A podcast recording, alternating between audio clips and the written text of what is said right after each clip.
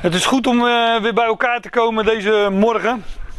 En uh, nou, dit onderwerp uh, wat we hebben was al een uh, soort van aangekondigd. Omdat we vorige week Romeinen 13 hebben besproken. En daar, daar ging het over de, de overheden. Um, die boven ons gesteld zijn. Of wij onder hen gezet. Het is maar hoe je het bekijkt. En ehm, ik heb het thema voor deze ochtend maar gegeven: een stil en rustig leven. En uh, nou ja, als ik naar het plaatje kijk, uh, dan ja, daar word je niet stil en rustig van, denk ik altijd. Dus dan moet het wat anders zijn, hè? Wat, wat ons stil, stil en rustig maakt, want daar gaat het uiteindelijk om. Um, ja, het is ook geen stemadvies, want dan had ik het een paar weken eerder moeten doen natuurlijk. Dus wellicht is het uh, voor sommigen mosterd na de maaltijd. maar ja, over vier jaar zijn er weer verkiezingen. Dus uh, dan lopen we daar maar uh, op vooruit. En wellicht eerder, hè, want een kabinet, het kabinet wil nog eens vallen. En een kabinet formeren, dat, ja, dat gaat ook niet vanzelf, heb ik van de week gezien. ja, dan. vorige week die tekst uit Daniel dat God de laagste onder de mensen aanstelt in die posities. Nou, daar moest van de week toch wel weer even aan denken. Aan een, mevrouw die daar loopt met gevoelige informatie. Hè, die eigenlijk verborgen moet blijven. Gelukkig had ze haar gezicht wel bedekt, want dat is natuurlijk wel heel belangrijk. Dat, daar moet ik dan gelijk aan denken. Hè. Wel met zo'n ding oplopen, maar uh, dat dan niet vergeten. Maar de dingen die je echt moet doen in je positie, die, uh, ja, daar had ze even geen erg in. Maar dat was wel weer lachen toch. Zo kijk ik er dan ook een beetje naar. Maar uh, ja, nu even ter zake, om het zo te noemen. Een stil en rustig leven. We hebben vorige keer gehad over Romeinen 13. En uh, ik wil die nog een keer uh, doorlezen, slechts. Gewoon doorlezen, meer niet. Um, om even het geheugen op te frissen, want ja, het onderwerp, uh, ik ga nu een ander schriftgedeelte bespreken, 1 Timotheus 2. Maar uh, ja, dat heeft wel uh, verwantschap, overeenkomsten met, uh, met de Romeinen 13. Sowieso dezelfde schrijver natuurlijk, maar ook hetzelfde onderwerp. Even eerst de Romeinen 13. Daar stond, staat, laat elke ziel zich onderschikken aan de superieure autoriteiten. Want er is geen autoriteit of macht dan onder God. En die er zijn, zijn onder God gezet. Ja, ik heb ook wel, uh, dat moet ik nog even zeggen, ik heb wel wat reacties gekregen van de week op, uh, op mijn studie. Onder andere ook wel weer uh, uit de hoek van, gaat het daar toch niet over de oudsten in de gemeente? En ehm, nou ja, er, er zijn natuurlijk een aantal aanwijzingen die ik vorige week volgens mij ook heb gegeven.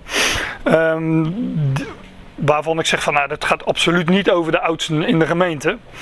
Um, en dit gedeelte, als men zegt van ja, dat gaat over de oudsten in de gemeente, dan heeft men geen één directe aanwijzing om te zeggen van kijk eens, hier staat dat het over de oudsten in de gemeente gaat. Het is allemaal mijns inziens, maar uh, ik zit hier uh, uh, om jullie mee te nemen iedereen en aan jullie de taak om als Bereus te checken of deze dingen al zo zijn. Dat is, ja, dat is dan jullie taak.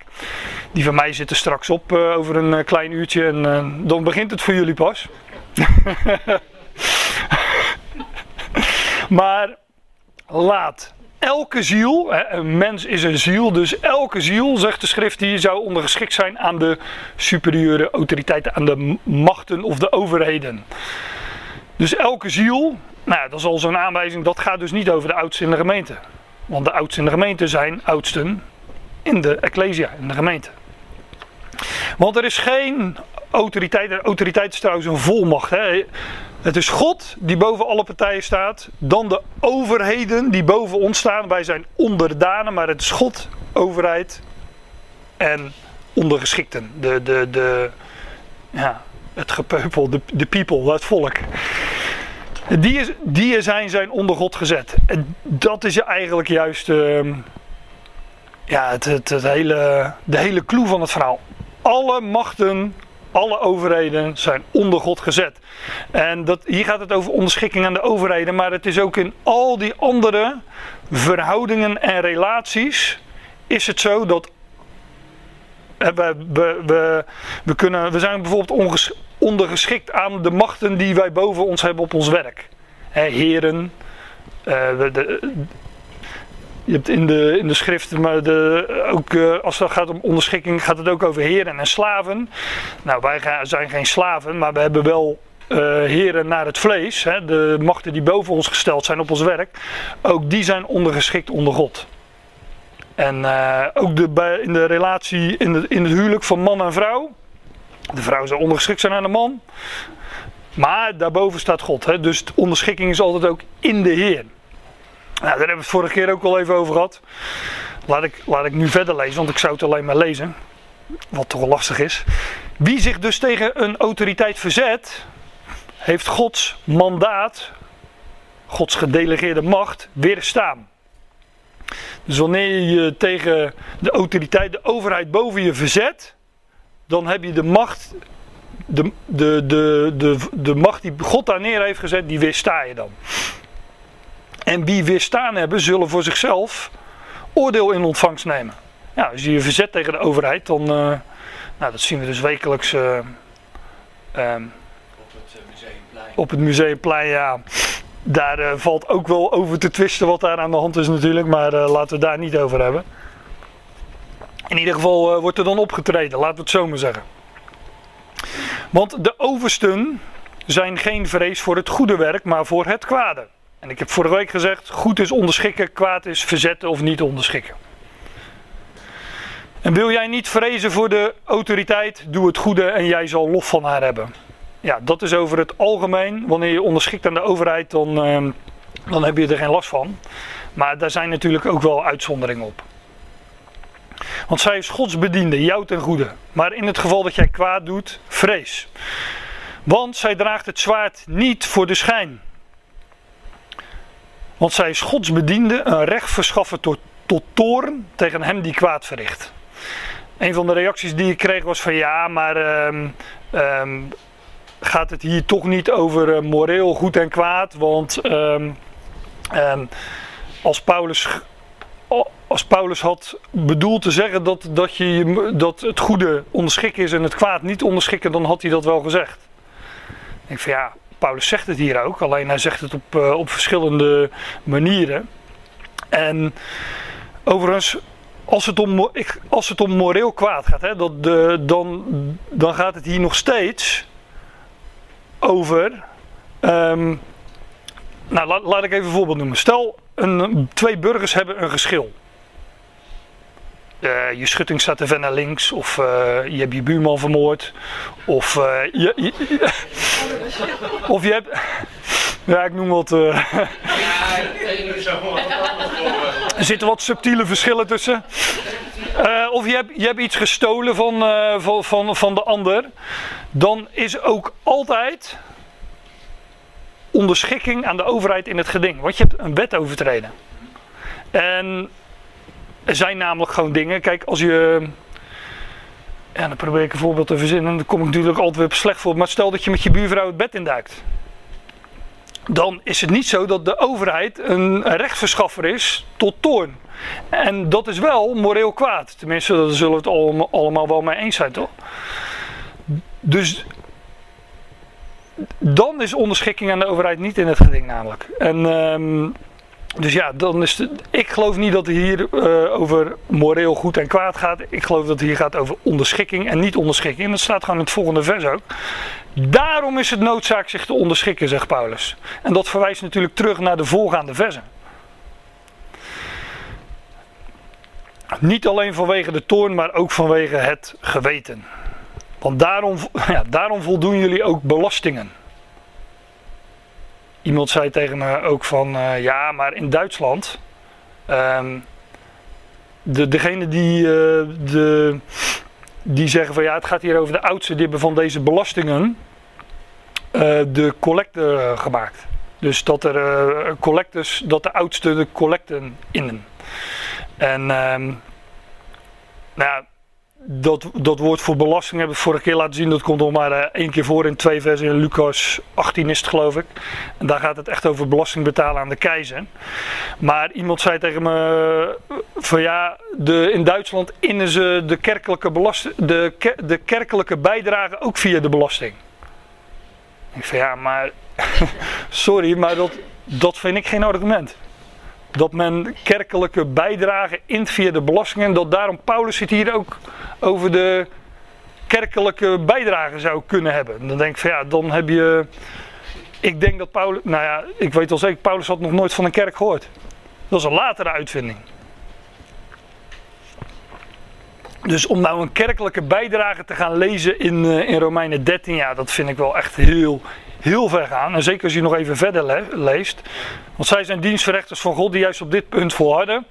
Betalen alle de verschuldigde dingen. Aan wie belasting, belasting. Aan wie tol, tol. Nou, dat is volgens mij toch echt het einde van alle theorieën over oudsten. Want um, daarmee zou je dus ook... Uh, moeten gaan zeggen dat Paulus uh, bij de ingang van de Ecclesia tolpoortjes had uh, neergezet. Belasting en tol dus. Nou, lijkt me duidelijk waar, uh, waar dat over gaat. Tenminste, dat vind ik. En om nou de kerkelijke bijdrage en een, een kerk te gaan projecteren in Romeinen 13, dat, uh, dat heet met een mooi woord een, een anogranisme, toch? Of een anachronisme. Anachronisme is. Dat is iets uit de ene tijd plaatsen in een andere tijd ik noem maar even een ander voorbeeld. Als je een uh, film zou hebben over de Tweede Wereldoorlog en iemand loopt daarin met een smartphone. Ja, dat kan dus niet. En zo is het ook met een kerkelijke belasting. Dat projecteren in Romeinen 13, ja, dat kan dus niet. Want toen bestond de kerk nog niet, toen bestond de kerkelijke bijdrage nog niet. Nou ja. Aan wie vrees, vrees, aan wie eer, eer. Ja, toen was ik nog even aan het doorzoeken op dit onderwerp. En toen kwam ik een tekst tegen in Petrus. En uh, Peter schrijft ook over die overheden. Die zegt iets vergelijkbaar. Onderschik je aan elke menselijke schepping. Ja, die staat echt schepping en uh, ordening, zeggen de, zeggen, zeggen, de Statenvertaling in ieder geval. Maar de schepping is een ordening. Hè? Waarom Peter het woord schepping gebruikt, dat, uh, dat laat ik maar even voor wat het is. Maar onderschik je aan elke menselijke schepping omwille van de Heer. En, en het vervolg maakt duidelijk waar het over gaat. Het zij aan de koning als hoogste autoriteit. Die koning is dus een, een schepping, een ordening van God. God heeft die koning daar neergezet. En ja, daar gaat Romeinen 13 over, toch? Alle overheden, alle autoriteiten zijn onder God gezet of gesteld.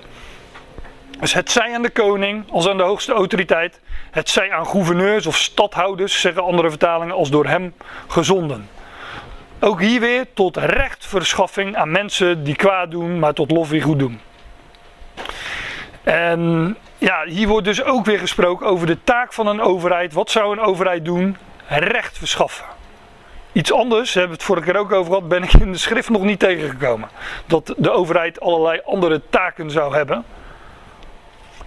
En als men die als overheid zich wel toe-eigent, ja, dan is dat toch, uh, uh, ik wou zeggen in zekere zin, maar dat is onrechtmatig. Maar daar zeg ik meteen bij, dat is onze zaak niet. Het is onze zaak niet of die overheden hun werk goed doen, ja of nee, want zij zijn onder God gesteld. En het is natuurlijk heel democratisch dat het volk um, hun overheden beoordeelt en ze ter verantwoording roept, maar in de schrift is dat niet zo. In de schrift is het God die de overheden, overheden daar neergezet heeft en ze gaan aan hem zullen ze verantwoording afleggen. Dus dat is. Uh... Hoor, wie klopt daar, kinderen? Ja. Die staat daar voor de deur of. Uh... Hm. Maar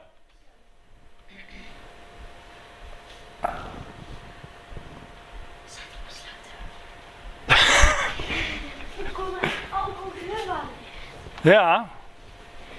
Blijf staan, Tessa. Kom je straks weer. Dus kom je er even lekker bij zitten, kun je even lekker, lekker bij komen. Een stil en rustig leven.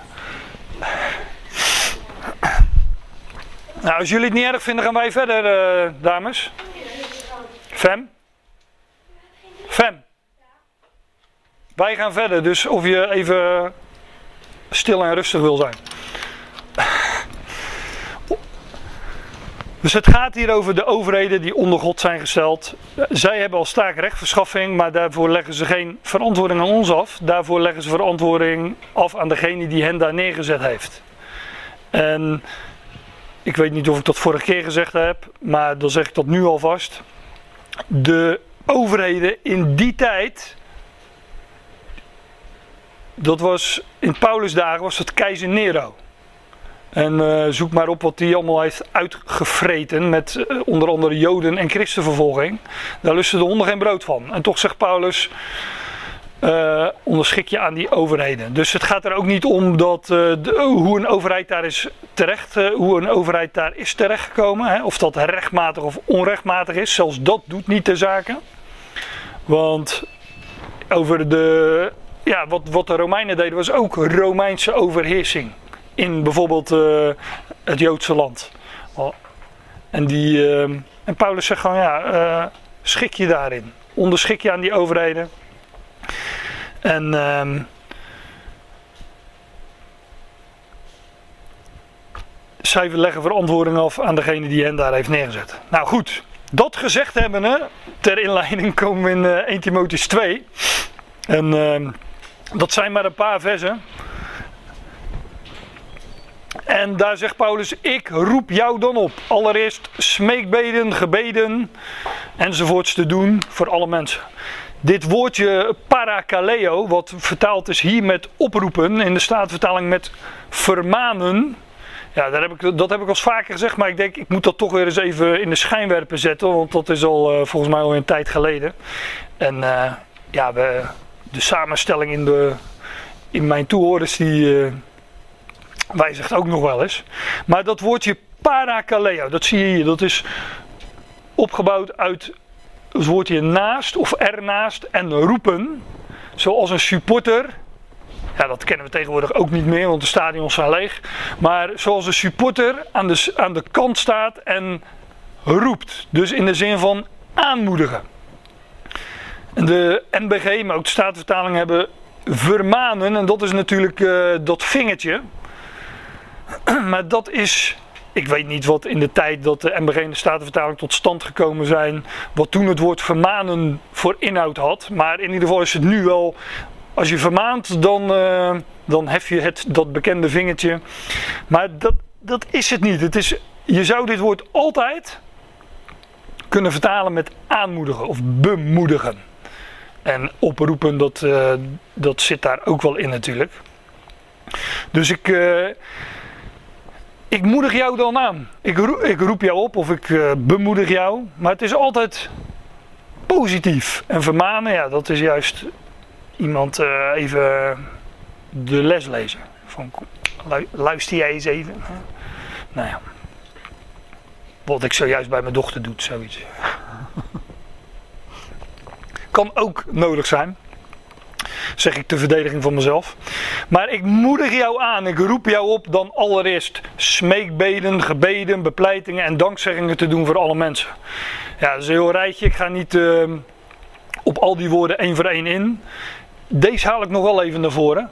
Uh, dit woord voor gebed, dat heb ik volgens mij één of twee weken terug ook gezegd, is weer die opbouw naartoe plus wel, hè, dat wel is goed, hebben. En naartoe is je richting. En eigenlijk is dit woord voor gebed is veel meer dan handjes samen, ogen dicht. Of uh, zoals de Joden bidden uh, met, met de handen geheven. Um, en de ogen open. En dat vind ik eigenlijk veel mooier. Hè? Die heffen de ogen ten hemel. Waar God zit, waar God is. Maar dit woord is je richting goed hebben. Dat is eigenlijk hoe de woordopbouw, uh, wat de woordopbouw ons vertelt over dit woord. Naartoe goed hebben, dus je richting goed hebben. En dat is natuurlijk een, ja, wat wij zouden noemen een, uh, een houding van gebed. Een biddende houding. En vandaar dat Paulus ook, zeg, ook, ook zegt, bid onophoudelijk. Want dit, zo'n houding, dat is ook een, ja, dat is eigenlijk een levenshouding. Je verwacht het van hem, je bent op hem gericht. Dat is, uh, dat, dat, dat is ten diepste wat een, uh, een gebed is. Ik roep jou dan op allereerst smeekbeden, dat heeft meer met verzoeken te maken. Gebeden, bepleitingen en dankzeggingen te doen voor alle mensen. En uh, het is een opklimmende reeks, maar dankzeggingen voor alle mensen. Bidden en danken voor alle mensen. En uh, daar heb ik vorige keer al even op gewezen, toen we Romeinen 13 en een gedeelte van een paar versen uit Romeinen 12 hebben besproken. Dat Paulus in Romeinen 12 zegt: heb het goede in beeld van alle mensen. En wij kunnen het goede in beeld hebben van alle mensen, omdat God het goede voor heeft, of het goede in beeld heeft, het goede voor ogen heeft met alle mensen. Hij is namelijk de redder van alle mensen. Nou. Maar in Romeinen had Paulus al. In Romeinen had, dat heb ik volgens mij vorige keer ook aangehaald. In Romeinen had Paulus al gesproken over. Zoals er door één misstap voor alle mensen tot veroordeling is. Zo is het ook door één rechtvaardige daad voor alle mensen tot rechtvaardiging van leven. En uh, ik heb uh, in die, dat is, dat is zo mooi van zo'n programmaatje in dat ISA, heb ik eens uh, die, die woordcombinatie alle mensen opgezocht. Ja, dan kom je natuurlijk uh, nogal wat schriftplaatsen tegen. Maar het ging, het ging wat te ver om dat hier te demonstreren. Maar Paulus had, ja, dan, dan heb je nog niet um, alle schriftplaatsen waar gesproken wordt over alle mensen. Want je zou, je zou ook nog het woord gewoon allen op moeten zoeken. Hè. Als Paulus zegt, allen hebben gezondigd en komen tekort aan de heerlijkheid van God. Maar worden om niet gerechtvaardigd uit zijn genade, die in Christus Jezus is. Dan heeft hij het ook over allen. Hè. Romeinen 3 is dat weer. Maar we kunnen dus bidden en danken voor alle mensen, want God is de redder van alle mensen. God rechtvaardigt alle mensen. God heeft het goede in beeld, het goede op het oog van alle mensen. Dus ook voor koningen en allen in een superieure positie. In een, uh, de, de, de MBG zegt hier voor, voor koningen en hooggeplaatsten. En de Statenvertaling zegt voor allen die in hoogheid zijn. Hè, zijn koninklijke hoogheid. Maar, oh, dat uh, had ik hier ook staan. In de dagen van Paulus was dat dus die uh, beroemde, en maar ook beruchte keizer Nero. Maar uh, dat woord hooggeplaatst vind ik ook wel een mooie, want dat betekent dat ze daar geplaatst zijn. En God heeft ze daar geplaatst, hebben we gelezen. Dus bidden en danken, dan vat ik het, het vorige vers even samen. Paulus moedigt ons aan, roept ons op om te bidden en danken voor alle mensen. En dan uh, gaat hij dat uh, wat verder specificeren. Kijk, wij kunnen niet bidden en danken voor alle mensen individueel. Ja, je kunt ze als containerbegrip noemen. Hè? Wij bidden voor alle mensen, maar wij kunnen wel bidden voor alle mensen die binnen ons, uh, ons kringetje vallen of binnen ons gezichtsveld. En voor koningen en allen in een uh, superieure positie, alle hooggeplaatsten, allen die in hoogheid zijn. En nou ja, nog even naar Romeinen 13. Laat elke ziel zich schikken aan die superieure autoriteiten, aan die koningen en hooggeplaatsten dus. Want er is geen autoriteit dan onder God. Daarom kunnen wij dus ook voor hen bidden en danken. God heeft hen daar neergezet. En zij hebben dus ook de bewegingsvrijheid die God hen geeft. En meer ook niet. Dus dat, dat is ook de reden dat wij kunnen bidden en danken voor allen in die positie. En als ze dingen doen die ons niet aanstaan, geef het aan hem over. Want alle dingen, dat, dat is ook weer Romeinen, maar dat is Romeinen 8. God doet alles meewerken ten goede. Voor degene die hem lief hebben. Want degene die hem lief hebben, die weten dat alles voor hen meewerkt ten goede. Dus God doet alles meewerken ten goede. Dus ook wat die koningen en hooggeplaatsten uh, daar doen of uitvreten.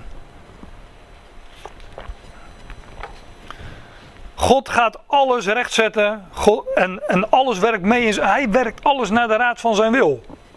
En de dingen die wij daarin niet begrijpen, waarvan we denken, ja, maar hoe kan dat dan? Ja, toch is dat zo. Geef dat over aan hem. En ja, laat het los. Laat het, laat bij hem. Hij is degene die ze daar neer heeft gezet, dus heeft hij daar een bedoeling mee. is geen autoriteiten onder God en die er zijn, zijn onder God gezet. Nou, dat, ja, als je je bewust wordt van de geweldige waarheid die Paulus hier naar voren brengt, dan geeft dat ook rust. En, en Paulus zei ook, dat is dan weer Romeinen 12, dat heb ik vorige keer wel gelezen. Houd zover het van jullie afhangt, vrede met alle mensen. Voor zover het van jullie afhangt. Ik had er vanmorgen met de kinderen nog over. en met Fem eh, specifiek. Ze zeggen ja, eh, niet iedereen vindt mij aardig. En eh, ik zei nee. Maar zover het van jou afhangt, kun je vrede houden met alle mensen. Jij kan er niks. ehm, jij hebt geen invloed op hoe een ander eh, daarmee omgaat, maar dat is jouw verantwoording ook niet. Jij kan gewoon vrede houden met alle mensen voor, het zover, voor zover het van jou afhangt. En dus ook met, eh, met die koningen en eh, superieure autoriteiten. Voor koningen en al in een superieure positie, hooggeplaatsten die in hoogheid zijn, opdat wij een stil en rustig leven doorbrengen. En ja, nu zoomen we heel erg in natuurlijk, maar eigenlijk zou je ook dit gedeelte gewoon eens zo in één eh rits door moeten lezen. Maar Paulus zegt, ik moedig je dan aan om te bidden en te danken. Ik vat het even samen. Voor alle mensen, voor koningen en hooggeplaatsten, opdat wij een stil en rustig leven doorbrengen. En dan, zijn er, eh, dan wordt dat vaak uitgelegd, dat wij zouden bidden dat die koningen en hooggeplaatsten ons met rust laten. Zo wordt dat vaak eh, uitgelegd. En ja, dan moet ik op zeggen dat, dat als ik de schrift lees, dat je eigenlijk tot de conclusie komt dat, eh, dat je per definitie eh, niet met rust wordt gelaten. Hè, dat, vervol, dat voor degene die in Christus Jezus geloven of hem lief hebben, dat, die, dat zegt Paulus ook, die staat verdrukking en benauwdheid te wachten. Zegt hij op andere plaatsen. Dus ehm, de, zoals wij als gelovigen kunnen leven en altijd geleefd hebben en eigenlijk nu nog steeds, hè, ehm, ja, dat is echt wel een hele. Dat is, dat is echt heel comfortabel als je dat vergelijkt met andere tijden en andere plaatsen, hoe dat altijd geweest is. Maar die woorden die Paulus hier gebruikt, stil en rustig, die, ehm, dat eerste woord, stil, dat is dit woord met die stronkcode, die komt maar één keer voor in, ehm, en dat is in dit, ja, dus hier. Dat ehm, de NCV, Nederlandse Concordante vertaling, die, eh, die heeft hier kalm. Een kalm en rustig Dat woord kalm, dat vind ik, vind ik een mooi woord. Dat zeggen we toch, ja, doe maar kalm joh. Relax, kalm. Kalm is echt zo'n woord dat je, dat heeft zo'n, eh, daar krijg je zo'n kalm gevoel van. Zeg het nog eens een paar keer.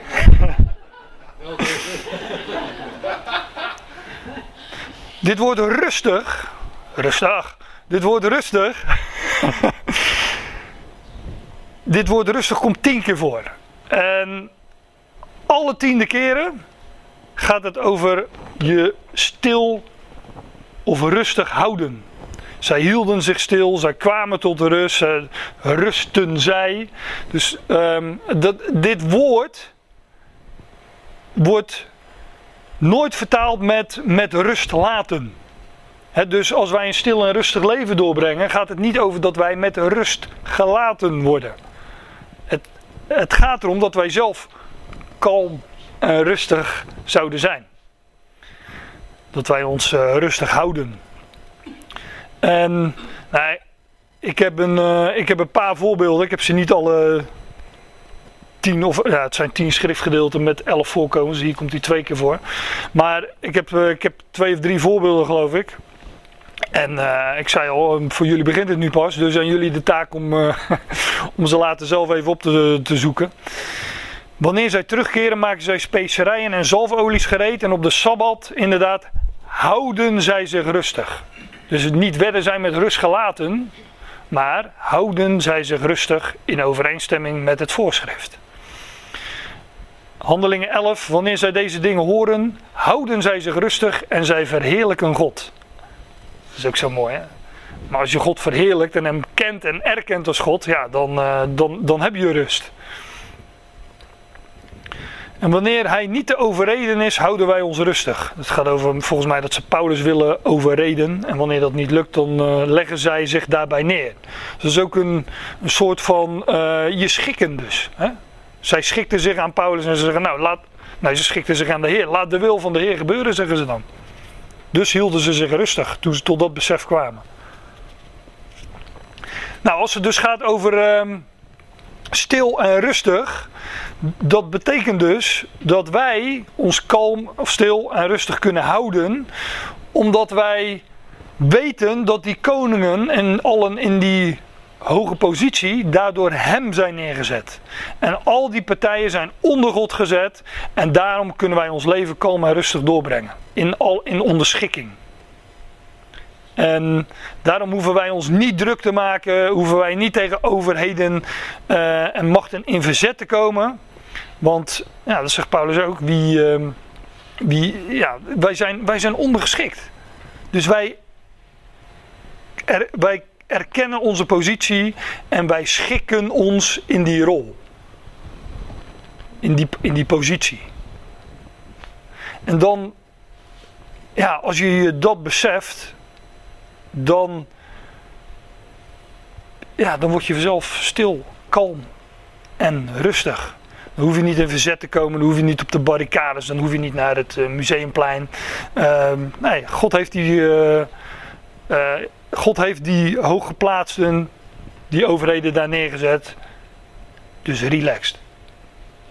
Alles wordt rechtgezet en inderdaad, wij, we, zijn, we zijn niet achterlijk. We zien ook wel, we, wij zien wat er gebeurt. Uh, daar kunnen we ook nog kritisch naar zijn. Hè?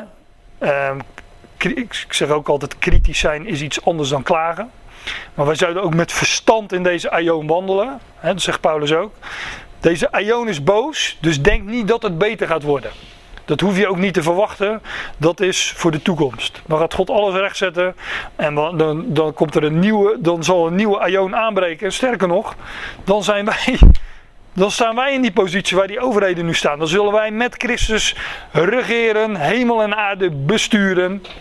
Of weten jullie dan niet dat wij de wereld oordelen zullen, zegt Paulus in 1 Korinthe 6. Dat we zelfs de engelen zullen oordelen en deze wereld oordelen. Alles zal rechtgezet worden en daar gaat God ons in Christus bij betrekken. Wij, ja, wij zijn zijn lichaam. Dus wanneer hem die taak en die belofte en die positie is gegeven, dan delen wij in zijn positie. Maar nu heeft hij die positie niet. Nu is hij verborgen voor het oog en hij wacht totdat alle vijanden onder zijn voeten onderschikt zullen worden. Dus tot die tijd, relax, stil maar, wacht maar, alles wordt nieuw. Of wat dacht je van, uh, en dat is uit een, uit een andere hoek. hou je, dat was Basje en Adria, meen ik. Hou je rustig, rustig, rustig. Hou je rustig, kalm en stil. dat waren Basje en Adria, toch? Ja. Ja, volgens mij wel, ja. En dan uh, krijg, dan zingt Basje elke keer dat hij hartkloppingen krijgt en van alles en nog wat. Maar dan zegt Adriaan, hou je rustig, rustig, rustig. ja, en jullie maar denken dat ik geen liederen ken, hè? Helaas uh, zingen we niet, want maar anders hadden we, had ik, hadden we een mooi lied kunnen zingen aan het eind. maar opdat wij een stil, een kalm en rustig leven zouden doorbrengen in alle eerbiedigheid en eerbaarheid. En dit woord eerbiedigheid, dat um, is het woord eu, eu, sebia. En eu is goed en sebia is verering. Dat heeft dus te maken met goede verering. Dus wij zouden ons, wij zouden ons leven kalm en rustig doorbrengen in alle goede verering. Letterlijk. En wat, wat is nou die goede verering?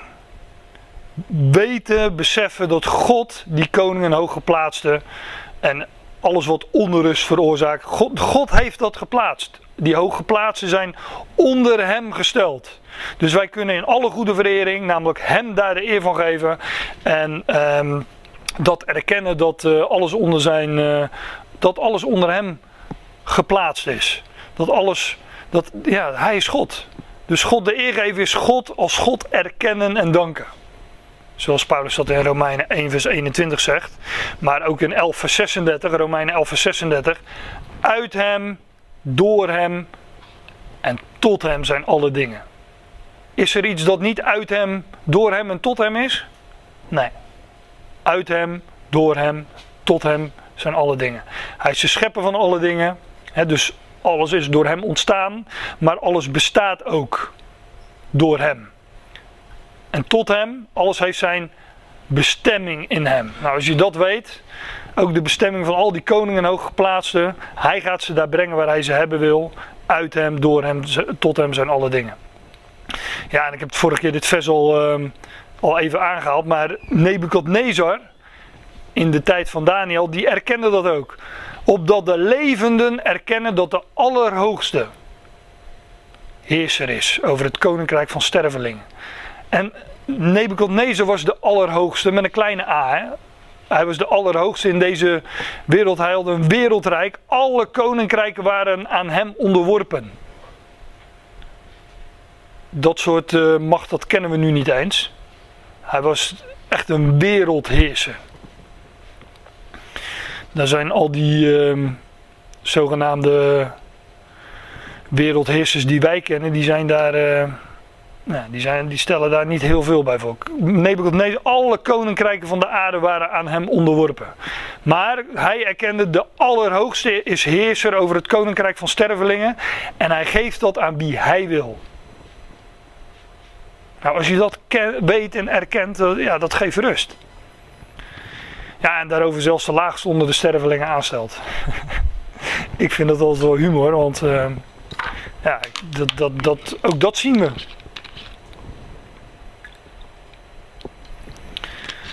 Daarom kunnen we er ook zoveel commentaar op hebben, denk ik altijd. maar ja, dat, uh, dat terzijde. Maar de, de, Allerhoogste is heerser. Hij plaatst, hij zet ze daar neer en hij geeft dat aan wie hij wil. En ook tot ook totdat hij zegt van ja, nu is het genoeg. En dan zet hij er weer een ander neer. In alle goede verering, dat, en eh, die goede verering is dus ook erkennen, hij, hij zet ze daar neer. Zoals Nebuchadnezzar dat moest erkennen. En eerbaarheid. En eerbaarheid, ja, dat is uh, waardigheid. Maar ja, de, de brieven van Paulus, die spreken nogal over, over dit begrip. Hè? Waardig te wandelen de roeping waarmee wij geroepen zijn, bijvoorbeeld. Efeze hebben we dat ook gezien. Maar ja, wat is dat dan? Hoe, hoe, zouden wij wandelen in deze wereld? Nou, in Efeze 6 hebben we dat uh, besproken. En dat is nog vrij recent. Daarom haal ik het even aan. Als ambassadeurs van Christus. Dus wij zijn ambassadeurs van Hem. En we hebben het toen over gehad, ik zeg het nu kort. Een ambassadeur is iemand die vertegenwoordigt zijn land of zijn koninkrijk in een ander land. Wij vertegenwoordigen Christus in een ander land, in, ja, op deze aarde. Wij zijn met hem gezet in de hemel. Dat is allemaal verborgen. En, uh, maar tot die tijd, we zijn ambassadeurs van Christus. Maar een ambassadeur heeft ook maar één taak. En dat is uh, het koninkrijk dat hij vertegenwoordigt uh, vertegenwoordigen in den vreemde. Dus de belangen daarvan behartigen in de vreemde, in den vreemde. En Paulus zegt ook in 2 Korinthe 5 wat voor taak of bediening wij hebben. De bediening van de verzoening. Wij prediken aan een, uh, aan een wereld die in duisternis leeft. Wordt verzoend met God. God is. Um, er, er is een God. Hij is God. En um, ja, hij gaat heel deze schepping met zich verzoenen. Deze, dat hij, hij is in Christus de wereld met zich verzoenen, zegt 2 Korinthe 5. En uh, Paulus zegt zo, ja, hoe zegt hij het ook weer? Zo bidden wij u dan, of zo roepen wij jullie dan op van Christus wegen. Word verzoend met God. Ga daarnaar leven. Dat, is een, dat is een oproep die Paulus doet. Of in uh, Filippenzen 3. Ons burgerschap is in de hemelen.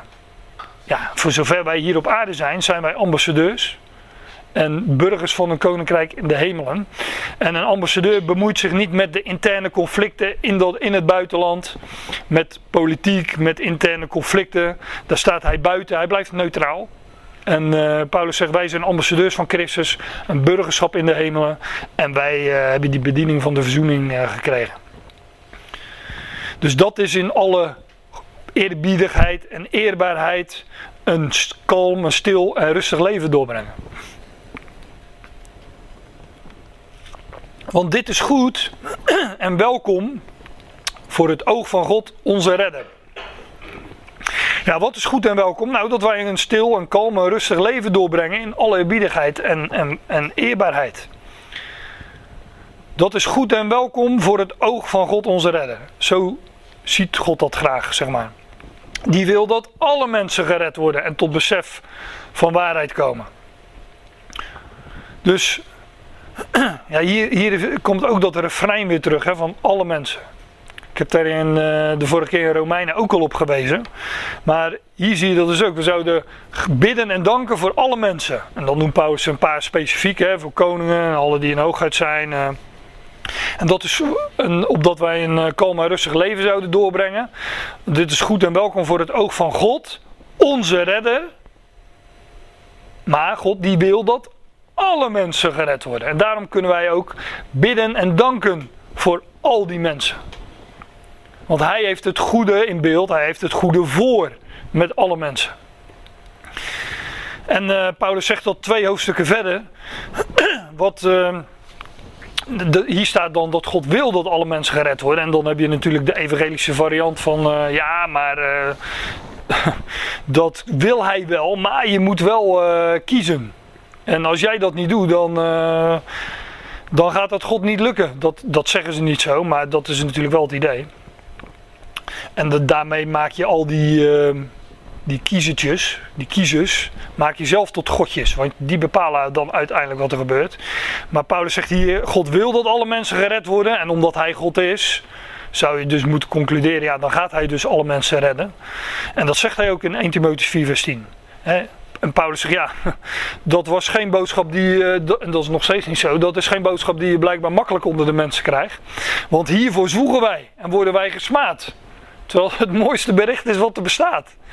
maar, nou ja. Probeer het maar eens, uh, vooral in religieuze kringen, probeer daar maar eens met deze boodschap aan te komen. Dan weet je wat Paulus hier zegt, dan, uh, ja, dan word je dus gesmaad. Of ontvriend op Facebook of zo, weet je wel. dat is, de, de, de dat is uh, nou, dat is het ergste wat ons zo'n beetje kan overkomen. dus dat valt nogal mee. Maar Paulus zegt, hiervoor zwoegen wij en worden wij gesmaad. Maar we weten toch allemaal wat Paulus is overkomen.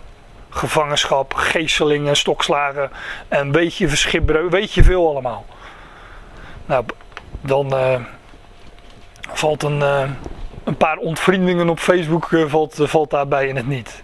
Nee, hiervoor zoeken wij en worden wij gesmaad. Waarvoor dan? Nou, dat wij onze hoop, onze verwachting gevestigd hebben op de levende God. Die de redder is van, ook hier weer, al, alle mensen. alle mensen, dat is het uh, refrein. Dat, dat, dat vind je telkens weer terug die de redder is van alle mensen. En daarom kunnen wij bidden en danken voor alle mensen, want God heeft het goede in beeld van alle mensen. Ook van die koningen en hoge plaatsen, nogmaals. Ja, dat is wel mooi. Hier zit ook weer zo'n. Uh, dit is goed en welkom voor God, onze redder. Die wil dat alle mensen gered worden. Onze redder is hij al, want wij, tenminste wij weten dat al, dat hij onze redder is. Alleen al, al die andere mensen die weten dat nog niet. Daarom zegt Paulus ook God onze redder. Maar in 1 Timotheüs 4 vers 10 zegt hij natuurlijk iets uh, soortgelijks. Ik heb nu even die woorden dik gedrukt. Hij is de redder van alle mensen, maar in het bijzonder vooral van gelovigen. Zij die dat beamen. Zij die geloven dat God de redder is van alle mensen, ja, die weten en erkennen dat dit zo is. Ja, die, die, die leven ook uit die redding dus vandaar in het bijzonder vooral van gelovigen. Ja, er zit ook nog eens een rangorde in, want uh, dat is een onderwerp apart, maar in de toekomende tijdperken, de toekomende ionen, ja, daar, zullen er zijn die, uh, die die ionen niet meemaken. Maar degene die uh, nu al gered zijn en daaruit leven, ja, die, die maken die ionen wel mee. Sterker nog, die delen in de positie van Christus in die toekomende eonen, waarin hij alles aan zichzelf gaat onderschikken. Dus God, onze redder, ja, specifiek vooral in het bijzonder van gelovigen, maar hij wil dat alle mensen gered worden en hij is ook de redder van alle mensen. En daarom kunnen wij bidden en danken en het goede in beeld hebben van alle mensen. Of, en ook, hè, houd zover het van jullie afhangt, vrede met alle mensen. Die wil dat alle mensen gered worden en tot besef van waarheid komen. Nou, wat is nou, wat is nou waarheid? De, de, de, meeste vertalingen zeggen de waarheid, maar er staat letterlijk gewoon waarheid. In de eerste plaats zegt, zegt de, de, de Heer in. Um, ja, dat had ik al gezegd. Uw woord is de waarheid. Maar dat is natuurlijk. Uh, dat is. De, zijn woord is de waarheid. Dus de, de, de schrift, de schriften, dat is de waarheid. De Bijbel van kaf tot kaf uh, voor mij apart. Maar als je, uh, als je nou specifiek wil weten wat, wat waarheid is en je zoekt het in dit gedeelte. Dan is het toch dat God de redder is van alle mensen. Dat hij wil dat alle mensen gered worden. En hij wil dat alle mensen tot besef van die waarheid komen. Dat hij de redder is van alle mensen. Of dat, uh, dat, dat hij deze schepping het heelal met zich gaat verzoenen. Hè? Want ons is die bediening van de verzoening gegeven. U wil zal geschieden, zowel in de hemel. U wil geschieden zowel, ja, zowel in de hemel als ook op de aarde. Hè? Zoiets. Ja. ja, zijn wil zal geschieden. Zowel in de hemelen als op de aarde. Ook daar zit trouwens een rangorde in. Hè? Want wanneer wij uh, hem tegemoet zullen gaan in de lucht de Heer tegemoet gaan in de lucht, dan zal Satan, dat is openbaring 12, die nu nog in de hemelen is, die zal uit de hemel gegooid worden. Openbaring 12 vanaf vers 7 is dat, meen ik. Maar wanneer hij eruit gegooid is en wij erin zijn, dan, zal zijn, dan geschiet zijn wil in de hemelen. En dan, dan begint eigenlijk, zou je kunnen zeggen, het uw koninkrijk komen. Dan begint eigenlijk het koninkrijk. Dat koninkrijk is er nu al, maar dat is nog verborgen. Maar dan zal zijn wil geschieden in de hemelen. En dan, ja, vanaf dat moment zal dat ook, ook gefaseerd uh, uitgebreid worden over deze aarde. U wil geschieden gelijk in de hemelen, alzo ook op de aarde. Nou, dat, is, dat is nog toekomst. En, uh, maar die volgorde die zit, daar, die zit daar ook in. Hij, is, uh, hij wil dat alle mensen gered worden en tot besef van waarheid komen. Ja, deze waarheid. Want, want er is één God. Ja, dit, dit, dit is ja, wat moet ik hier aan toevoegen? Er is één God. Dus, dus dat, dat hij wil dat alle mensen gered worden en dat hij wil dat alle mensen tot besef van waarheid komen. Dat gaat ook gebeuren, want er is één God. En, en, God, hè, dat, hij is de, de schepper, de maker, de creator, maar ook uit hem, door hem, tot hem zijn alle dingen. Hij is de beschikker. Hij schikt de dingen, hij plaatst de dingen, ook die koningen en hooggeplaatsten. Uh, het kwaad heeft ook een plaats in zijn plan. Alles. Want er is één God. Dus alles is uit hem voortgekomen. Dus alles werkt ook mee aan zijn doel. Alles, uh, hij werkt alles naar de raad van zijn wil.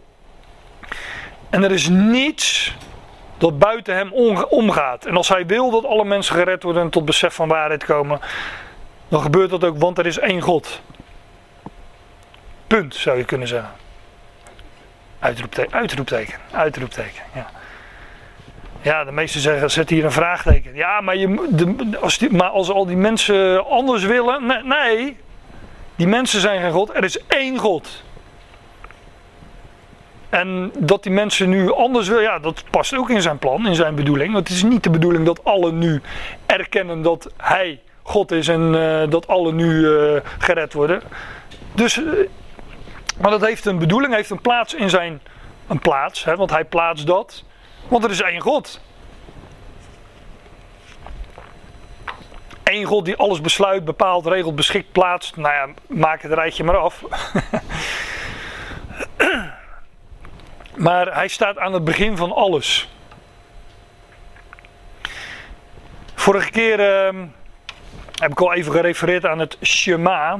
Ik weet, dat is dat. Uh, dat, dat het Shema is een, ehm, een, een, samenvoeging van een aantal schriftgedeelten uit eh, de Hebreeuwse Bijbel. Onder andere Deuteronomium 6 en nog een, een schriftgedeelte uit één of twee uit Numeri of één uit Numeri en nog een uit Deuteronomium, dat weet ik eh, even niet precies. Maar dat, dat, die, het Joodse volk hangt dat in zo'n ehm, kokertje aan de deurposten. Ze dragen dat op hun, ja de mezuzah, dat eh, woord zocht ik. Ze dragen dat op hun, ehm, die gebedsriemen nou ja, enzovoort. En dat zijn, ehm, heb ik ook begrepen, de eerste woorden die een Joods jongetje leert. En ook bij zijn bar mitzwa zegt hij dat op, eh, meen ik, ja. Maar da- daarin eh, staat onder andere dit vers uit Deuteronomium 6. Hoor Israël, Yahweh is onze God. Yahweh is één. Er is één God. En vorige keer haalde ik die versen aan uit eh Marcus 12, waar een schriftgeleerde aan de Heer Jezus vraagt: eh, wat is het eh, grote gebod? En dan, zegt, dan antwoordt Jezus hem en zegt hij: Het eerste voorschrift van alle is: Hoor Israël, de Heer onze God is één Heer. Maar dit is natuurlijk in het Grieks. Eh, opgetekend. En eh, de, eh, Deuteronomium 6, wat, wat de Heer hier cit- citeert, is in het Hebreeuws opgetekend. Maar Yahweh, de Heer, onze God, Yahweh is één. En dat, dat vers, dat heb ik er nu niet bij geprojecteerd, maar dat heb ik vorige keer even erbij gehaald. Dat roep ik dan in herinnering. Het, en het tweede aan dit gelijk is, je zult je naaste lief hebben als jezelf. Er is geen groter voorschrift dan dit. Nou, dat heb ik vorige keer eh, aangehaald. eh, ook in verband met ja, waar ehm, dat gehoorzaamheid, ook aan de overheid, eh, dat onderschikking aan de overheid niet hetzelfde is als gehoorzaamheid. Hè. Waar houdt gehoorzaamheid dan op? Nou, daar heb ik vorige keer de, deze verse voor aangehaald. Nou, daar waar ehm, gehoorzaamheid aan God in het geding komt, maar ook het tweede aan dit gelijk is, heb je naast je lief als jezelf. Waar, waar, daar een spanningsveld of wrijving ontstaat, daar, ehm, daar eh, houdt, als je het mij vraagt, gehoorzaamheid op. Maar dat, dat ga ik nu niet allemaal eh, herhalen. Daar zijn opnames van. Maar er is één God, zegt Paulus in, eh, in Timotheus. En dat, dat vind je echt vanaf het, nou ja, vanaf het begin van de schrift. Ik had ook gewoon Genesis 1 vers 1. In het begin schiep God de hemel en de aarde. er is één God en hij is de schepper van alles. En dit vind je de hele schrift eh, door. Er is één God, er is één plaatser, er is één beschikker. En als hij wil dat alle mensen gered worden, dan worden alle mensen gered. En er is ook één bemiddelaar, één middelaar tussen God en mensen, de mens, Christus Jezus. Dus alles wat God doet, uitvoert, zijn plannen die hij uitvoert, dat doet hij via bemiddeling, ja, via, zijn uitvoerder met een, met een grote hoofdletter. Christus Jezus. In hem doet hij dat. Er is één middelaar tussen God en mensen, de mens Christus Jezus. Ja, ik zou nu een hele uiteenzetting kunnen geven over ehm, de kerkleer. Want, eh, ja, ik zit hier niet om, eh, om de kerkleer ehm, onderuit te halen. Of eh, en vooral ook niet om die te verdedigen. Wat we hier doen is bijbelstudie. En de schrift zegt er is één God. En er is ook één middelaar tussen God en mensen. De mens, Christus Jezus. Nou, ga er maar aan staan met je geloofsbeleidenis. Dat, eh, laat, ik, laat ik dat dan even zeggen met een drie-eenheid en ehm, drie, hoe was het ook weer? Drie wezens, één persoon of drie personen, één wezens, dat weet ik ook niet, dat weten ze zelf ook niet. Maar die allemaal gelijk zijn, hè? God de Vader, God de Zoon en God de Heilige Geest. Is allemaal, eh, eh, laat ik het netjes zeggen, het zijn allemaal woorden van menselijke wijsheid. Zoals Paulus dat zegt in 1 Korinthe 2. En dus zouden wij die eh, achterloos aan de kant schuiven en ons richten op het woord van God. Want dat is de waarheid. Uw woord is de waarheid. En dan kan het nog allemaal zo knap verzonnen zijn. Wat ik overigens ook niet vind. Maar het, eh, heeft, het heeft een schijn van godsvrucht, zegt Paulus ook in deze... Nee, dat is de tweede Timotheusbrief. Het heeft allemaal de klank ervan. Maar eh, het verlogent de kracht van het woord van God. Er is één God en één middelaar tussen God en mensen, de mens Christus Jezus. God brengt alles daar waar hij het hebben wil. Ja, precies, door hem. En in Filippenzen 2, ze- ja, waar wil God het dan hebben? Nou, dat lees je bijvoorbeeld in Filippenzen 2. Waar gesproken wordt, daar gaat, ja, dat is ook een mooi gedeelte. Paulus heeft het in het voorgaande. Dat is dan, eh, om het met Fred te zeggen, huiswerk. eh, om het voorgaande er even bij te lezen. Maar daar zegt Paulus dat, eh, daar spreekt hij van de gezindheid die in Christus Jezus was. En dat Christus Jezus zichzelf vernederde. De mensen gelijk was geworden, de gedaante van een slaaf heeft aangenomen. Hij is de mensen gelijk geworden. En omdat hij dat, en hij is gehoorzaam geworden tot de dood. Ja, tot de kruisdood, de dood van het kruis. En dan zegt Paulus hier, daarom, omdat hij zich vernederd heeft, omdat hij gehoor gegeven heeft aan wat God hem opdroeg. Hij heeft gehoorzaamheid geleerd, hè, zegt Paulus in Hebreeën. Dat is ook geloof wat hij deed. Hij werd hier als mens geboren en hij erkende zichzelf in de schrift. Van ja, ik ben diegene die daar wordt. Dat, gaat over mij. En ik moet die weg gaan. En hij vertrouwde daarop. Hij geloofde dat woord van God. En hij ging die weg. Daarom verhoogt God hem ook uitermate. En begunstigt hij hem met de naam boven alle naam. Hè, Jezus, Jaweh is redder. Opdat, ja, ik zei net, God brengt alles via zijn middelaar op de plek waar hij het hebben wil. Nou, waar is dat dan? Opdat in de naam van Jezus alle knie zich zou buigen. Alle knie. Alle mensen, want alle knie. Elke knie, alle knieën. Alle knie gaat buigen. Van hen die in de hemelen zijn. Ook die eruit gegooid worden, die, die er nu nog zijn. Die op de aarde zijn en die onder de aarde zijn. Hebben we nog meer categorieën? Nee. In de naam van Jezus gaat elke knie zich buigen. Van hen die in de hemel, die op de aarde en die onder de aarde zijn. En alle tong instemmend zou beleiden dat Jezus Christus Heer is. Tot heerlijkheid van God de Vader. Ja, dat woord inste- instemmend beleiden, dat ze zullen instemmen.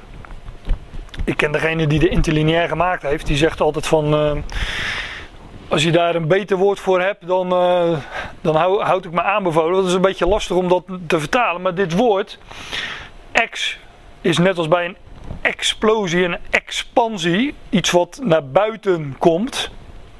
Maar van binnenuit naar buiten, dat geeft een richting aan. En ehm homo is hetzelfde. En dat logezetai heeft met woord te maken met zeggen. Dus van binnenuit naar buiten hetzelfde zeggen. Vandaar eh, dat ehm, eh, de meeste vertalingen hebben zoiets hebben als beleiden. Maar het, gaat ook over, het komt van binnenuit, het komt, ja, het komt uit het hart. Van harte beleiden of van binnenuit beleiden. Dus ook instemmend beleiden. Elke tong, elke knie gaat buigen en elke tong gaat van harte beleiden dat Jezus Christus Heer is. Jezus, Jaweh is redder, Christus Messias en hij is Heer. Hij is eigenaar, hij is bezitter, hij is de middelaar waardoor God elke knie en elke tong tot zichzelf gaat brengen, om het zo te zeggen. En dus gaat elke knie buigen en gaat elke, alle tong van harte beleiden dat hij Heer is. En dat is tot heerlijkheid van God de Vader. En ehm, als je dit, daarom zoom ik even in op dat woordje. Maar als je je echt verdiept in wat hier staat en echt wil weten wat hier staat en echt goed leest wat hier staat, dan kom je niet tot de conclusie dat God hier uiteindelijk elke knie onder dwang zal laten buigen met, zeg maar, met, met de laars in de nek. Weet je wel, zoals ik, ik vroeger geschiedenis gehad. Waren dat niet de, de Franken die iedereen wilde bekeren en die, eh, die zetten dan eh, de hiel in de nek. En als je bekeer je ja of nee, bij ja was het oké en bij nee ging je kop eraf. Nou, dat is dus geen van harte beleiden. Dat is niet het eh, van binnenuit van harte instemmen. dat, is, eh, dat is ongeveer hetzelfde als dat je zegt van ja, ik geloof want anders kom ik in de hel. dat is ook niet van harte. Nee, dat je erkent dat hij is Heer. Hij is de eigenaar. Uit hem, door hem en tot hem zijn alle dingen. Hij is God. Er is één God en hij brengt door zijn middelaar, de mens Christus Jezus, de hele schepping, hè, wat in de hemel is, wat op de aarde is en wat onder de aarde is, brengt hij tot hem. En elke tong gaat dat van harte toejuichen, las ik ook ergens weer in een andere vertaling. Tot, want het is ook tot heerlijkheid van God de Vader. En een. eh, ja, nou ja, moet ik daar nog iets aan toevoegen? Dat, dat gedwongen. Dat zo'n gedwongen. eh, bekentenis, dat, dat is niet tot eer.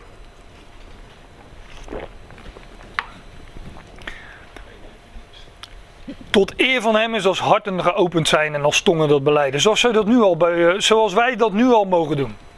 Hij heeft onze ogen geopend, ons hart geopend. En ehm, ja, daardoor ehm, onze tong losgemaakt. Want dat is wat wijn doet hè, als beeld van het nieuwe leven. Dat maakt de tong los. Nou, die zich, ja, even terug. Christus Jezus, de mens Christus Jezus, die zichzelf geeft tot een overeengekomen loskoopsom, tot een losprijs voor allen. Alle mensen. Dus bidden en danken voor alle mensen. En dan specificeert, Pa- specificeert Paulus het wat. Maar voor allen. Voor alle mensen. Want er is één God. En één middelaar van God, en men- van God en mensen. De mens Christus Jezus. En hij geeft zichzelf. Hij heeft zichzelf gegeven. Geeft zichzelf tot een losprijs. Een overeengekomen loskoopsom. Voor allen. Hij heeft allen gekocht en betaald. Dus neemt hij met minder ook geen genoegen. Als ik iets koop en ik betaal de prijs voor het geheel, dan eh, laat ik me niet afschepen met de helft of met, met, met, met 10%. Nee, dan wil ik alles hebben, want ik heb betaald voor alles. Hij heeft ook deze hele schepping, de, de losprijs, laat ik het eh, bij dit vers houden, de losprijs betaald voor allen. Zoals slaven worden vrijgekocht. En wij leven daar nu al uit. Het getuigenis in de eigen bestemde tijden. Ja. Dat eh, betekent dat, eh, dat er rangorde is.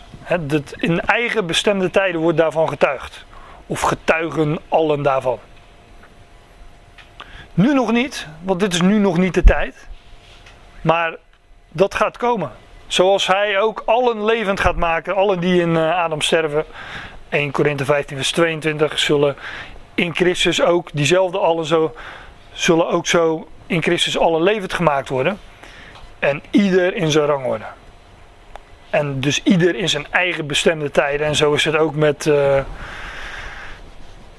met, het, ja, met de losprijs die betaald is voor allen. Daar zullen, zullen alle van getuigen in eh, de eigen bestemde tijden. En Paulus zegt, ik werd daartoe geplaatst als een heraut en een apostel, een afgevaardigde. Ja, daartoe is dus het voorgaan. Er is één God, er is één middelaar van God en mensen. En de losprijs is betaald voor allen. Ik werd daartoe geplaatst als een heraut en afgevaardigde. Je zou die, ehm, ja, ik lees, laat ik maar even verder lezen. Ik zeg de waarheid, ik lieg niet. Dat is nadruk, hè. Als een leraar van natie in geloof en waarheid. Geloof. Ik weet al hoe dat komt. Dat zal ik straks eh, uitleggen. Als een leraar van natie in geloof. Loof hem daarom. In geloof en waarheid. En ehm, zoek deze schriftplaatsen maar, op, eens op. Waar Paulus ook spreekt van zijn bediening, van zijn apostelschap. En hier zegt hij is één God, is één middelaar voor God en mensen. Eh, in 2 Timotheüs 1 bijvoorbeeld spreekt hij over Christus Jezus die de dood niet doet en leven en onvergankelijkheid aan het licht brengt. En in eh, Romeinen 11 ook over de verzoening van de wereld. Altijd spreekt hij over die dingen als hij zegt van waartoe hij gezonden was als apostel en leraar. Dit is wat Paulus leerde en eh, ja, wij mogen Gods plannen daarin kennen. De redding, de verzoening van, van allen, van heel zijn schepping. En eh, daarom kunnen we ook bidden en danken voor allen die in hoogheid zijn, alle hooggeplaatsten. Goed, volgens mij eh, ja, ging ik het daarbij laten, dus ik, ik laat het hierbij. En ik wil afsluiten met een psalm. Kennen jullie psalm 150? ja. Halleluja, loof God in zijn heiligdom. Vandaar dat eh, ik heb iets met Ctrl F en vervangen gedaan. dus had hij ook in eh, dit vers van. eh, heeft hij geloof van gemaakt. Ehm, loof God in zijn heiligdom. Ja, dit woord loven is zoiets als lofprijzen. Prijzen, lofprijzen. Maar wij, ja, daarin zit God danken, God erkennen, Hem prijzen om wie Hij is, Hem loven. Dat zit daar natuurlijk allemaal in. En halleluja is eigenlijk ook gewoon loof, ja. Of lofprijst, ja. In de zin van lofprijs Yahweh. Lofprijs God. Halleluja. Loof God in zijn heiligdom. Loof Hem in zijn machtig uitspansel. Loof hem om zijn machtige daden. Loof hem om zijn geweldige grootheid. Loof hem met geschal van de bezuin. Loof hem met citer en harp. Nou, die hebben we niet bij ons vandaag, maar hè, daar zit muziek in. in zijn, maar muziek is een beeld van zijn woord natuurlijk. Dat, eh, loof hem met tamboerijn en rijdans. Loof hem met snarenspel en fluit. Loof hem met weerklinkende cymbalen. Loof hem lu- met luidklinkende cymbalen. Alles wat adem heeft, looft Yahweh. Halleluja. En dit is geen, van, geen ehm, opdracht van ja, of eh, een wens van alles wat adem heeft, loven Yahweh. Dit is een voorzegging. Dit is profetie. Alles wat adem heeft, zal hem loven. Want elke knie zal buigen en elke tong zal van harte beleiden dat Jezus Christus Heer is tot heerlijkheid van God de Vader. Dus alles wat adem heeft, looft Jawel. Dat is toekomst, maar eh, dat gaat gebeuren. Halleluja. Amen.